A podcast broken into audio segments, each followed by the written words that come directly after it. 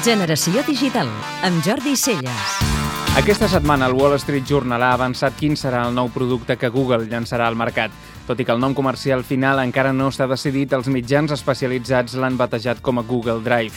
El nou servei suposarà l'entrada de Google als serveis de magatzems de dades al núvol, seguint la línia de serveis presentats per Amazon o per Apple durant el darrer any. Per altra banda, planteja una seriosa amenaça per substitució a serveis com Dropbox, que porten anys treballant al mercat dels magatzems digitals en línia. De fet, la gran sorpresa de l'anunci no és la notícia en si, sinó el temps que ha esperat Google a fer aquest moviment un pas que es considera natural per totes les empreses de serveis digitals integrats. Google, d'aquesta manera, posarà la peça que li falta als serveis de comunicació, com el correu electrònic Gmail, o als serveis de productivitat com el Google Docs.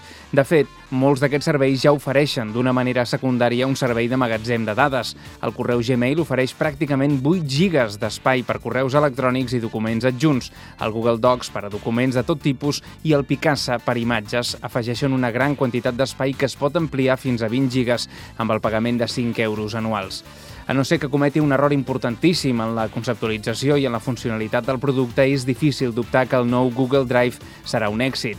Però segurament la clau de tot plegat està en definir quin serà el model de negoci d'aquest nou servei que a nivell de costos fixes és especialment car de mantenir.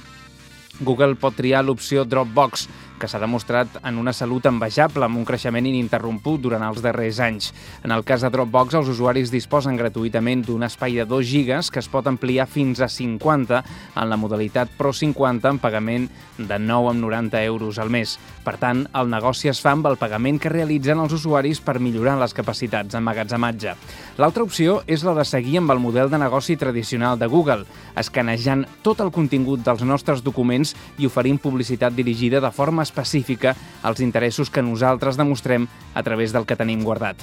És evident que, d'entrada, la sensació de tenir algú, encara que sigui un robot informàtic escanejant els nostres documents per tal d'extreure'n dades interessants per a la publicitat, no és massa atractiva.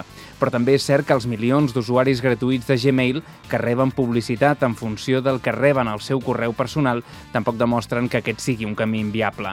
És evident que Google no és gratis i els seus costos augmentaran sempre de forma directament proporcional als serveis que ens ofereixi.